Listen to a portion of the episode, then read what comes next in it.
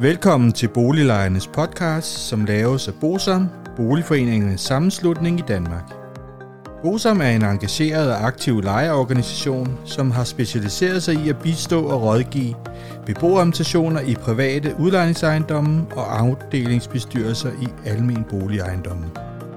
Formålet med Boliglejernes podcast er at informere lejerne om nogle af de problemstillinger, som vi ved, at mange lejere ofte spørger om samt at give mulighed for, at nogle aktuelle problemstillinger bliver belyst ud fra et lejerperspektiv. Boliglejernes podcast er lavet af lejere til lejere.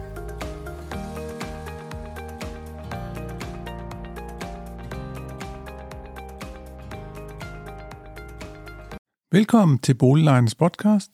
Mit navn er René Sur, og jeg arbejder i Bosom. I dag skal vi have del 17 i serien Balladen i Frederiksberg Boligfond, og det har fået titlen Tilbudspligten i Solberggård.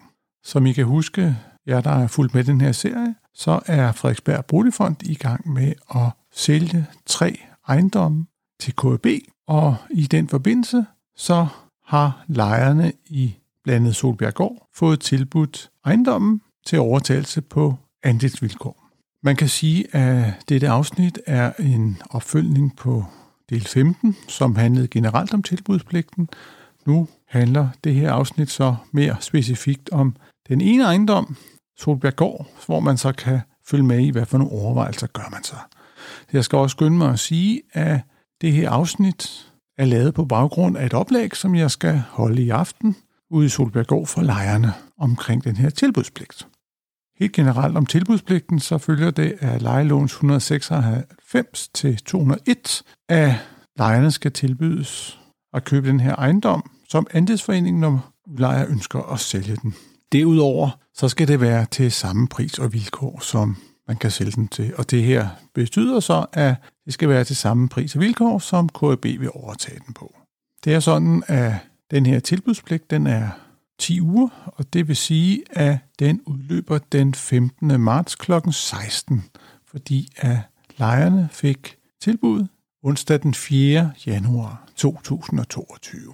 Og hvad koster så den ejendom? Jo, den koster 175 millioner kroner, og da boligarealet er 8.305 kvadratmeter, så kan man jo hurtigt regne ud, at prisen er omkring 21.000 kroner per kvadratmeter når man skal overveje, om det kunne være interessant at stifte en andelsboligforening, så skal man se på to ting. For det første skal man se på, om prisen er interessant. Det vil sige, er den så lav, at det kan være interessant at overveje, om man skal overtage den på andelsvilkår. Og det næste, man skal se på, det er, har ejendommen en beboersammensætning, således at der kan skaffes en 60% tilslutning blandt beboerne. Hvis vi skal se på den første del omkring prisen, så må vi sige, at 21.000 er en okay kvadratmeterpris på Frederiksberg. Vi har set andre eksempler på ejendommen, der er blevet handlet, og der lå de væsentligt over. Derudover kan vi også gå ind og se på, hvad koster en andelsbolig på Frederiksberg, og det ligger også væsentligt over. Så overordnet set kan man sige, at prisen er bestemt interessant. Det næste, man skal se på, det er, er det overhovedet muligt at skaffe en 60% tilslutning? Og det afhænger jo fuldstændig af den beboersammensætning, der er i den enkelte ejendom. Det er sådan, at for at man kan gå ind og være med i en andelsboligforening, så skal man jo selvfølgelig købe en andel. Og i den forbindelse er det jo altid interessant at se på de gennemsnitlige priser. Og i Solbjerggård, der er lejlighedsstørrelserne fra 49 kvadratmeter til 75 kvadratmeter. Og det vil sige, at priserne de for 49 kvadratmeter er lige over en million, og for 75 kvadratmeter er det lige 1,6 million kroner. Det er jo sådan en gennemsnitspris, og hvis alle vil være med. Vi er nødt til også at forholde os til, hvad er forudsætningerne, hvis man skal stifte en andelsboligforening.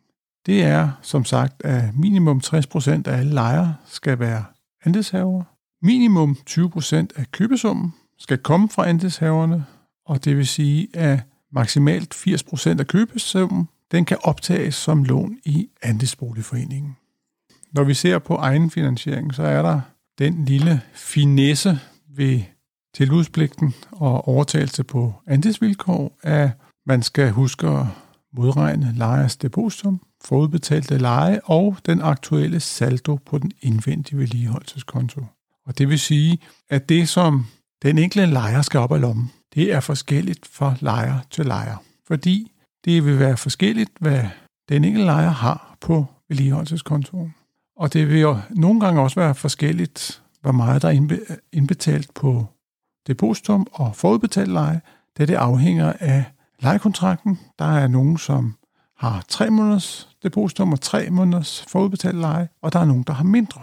Det afhænger af, hvornår lejekontrakten er indgået. Når man nu har set på, hvor meget man skal have op af lommen selv, det var jo altså 20 procent, kan man sige, hvis vi nu bare forholder os til det.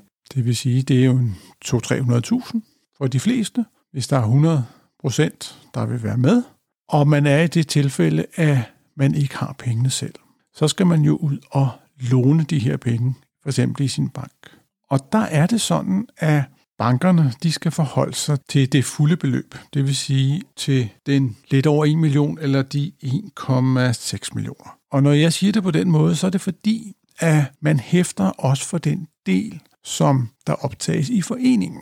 Og det kan jo nogle gange være svært, hvis man skal ud og låne 300.000 for eksempel. Og så lige pludselig, så bliver man kreditvurderet på baggrund af 1,5 millioner kroner. Men det er fordi, at de 300.000, det er jo 20 procent, mens de 1,5 millioner, det er jo, hvad andelen reelt set koster. Det man skal være opmærksom på, når vi snakker omkring kreditvurdering, så er det sådan, at der er jo kommet en opstramning af de her regler, og det betyder, at bankerne de har en såkaldt gearingsregel, og den er altså på fire gange bruttoindkomsten, altså husstandens bruttoindkomst. Og hvis vi snakker 1,5 millioner, så kan vi hurtigt regne ud, at 375.000 i husstandsindkomst gør, at man kan låne 1,5 millioner. Det skal siges, at de 1,5 millioner, det er den rene gæld.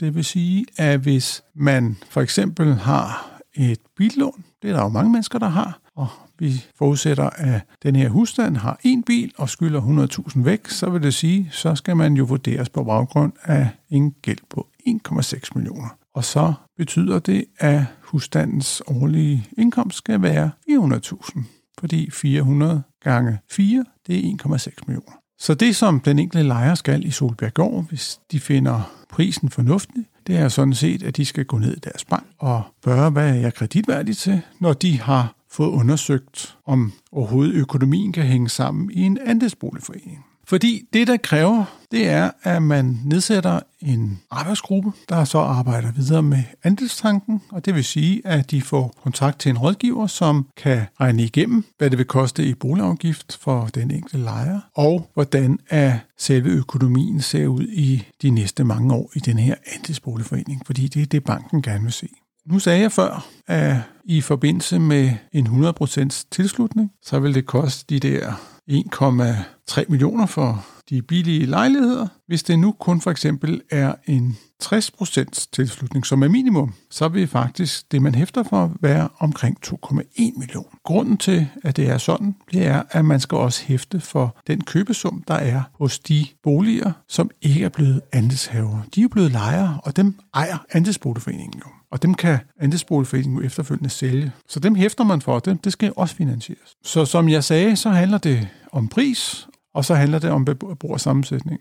Og der er ingen tvivl om, at jo flere, der kan være med på andelstanken, jo nemmere vil det være at stifte en andelsboligforening, fordi der skal færre penge til for den enkelte beboer. Når jeg ser det her, sådan, så vil jeg sige, at prisen er rigtig. Og det, jeg vil anbefale, det er, at man nedsætter en andelsgruppe, der arbejder videre med andelstanken, og hvor man får regnet på, hvordan hele økonomien hænger sammen i det her, sådan, og hvor er sådan enkle lejere får mulighed for at få et beslutningsgrundlag, som de kan tage stilling til, og efterfølgende måske at gå ned i bank. Det vil være helt klart det bedste i det her tilfælde. Det var det, jeg vil sige omkring tilbudspligten i Solbjerggård for denne gang. Jeg skal nok øh, lave en opfølgning på, hvordan det går. Vi arbejder på en vi arbejder på en del 18 i den her serie, som kommer til at handle omkring, hvordan KAB har tænkt sig at styre de tre ejendomme i fremtiden, og det kommer i løbet af januar måned. Indtil vi, vi høres ved, og det gør vi jo hver fredag, så må I have det så godt.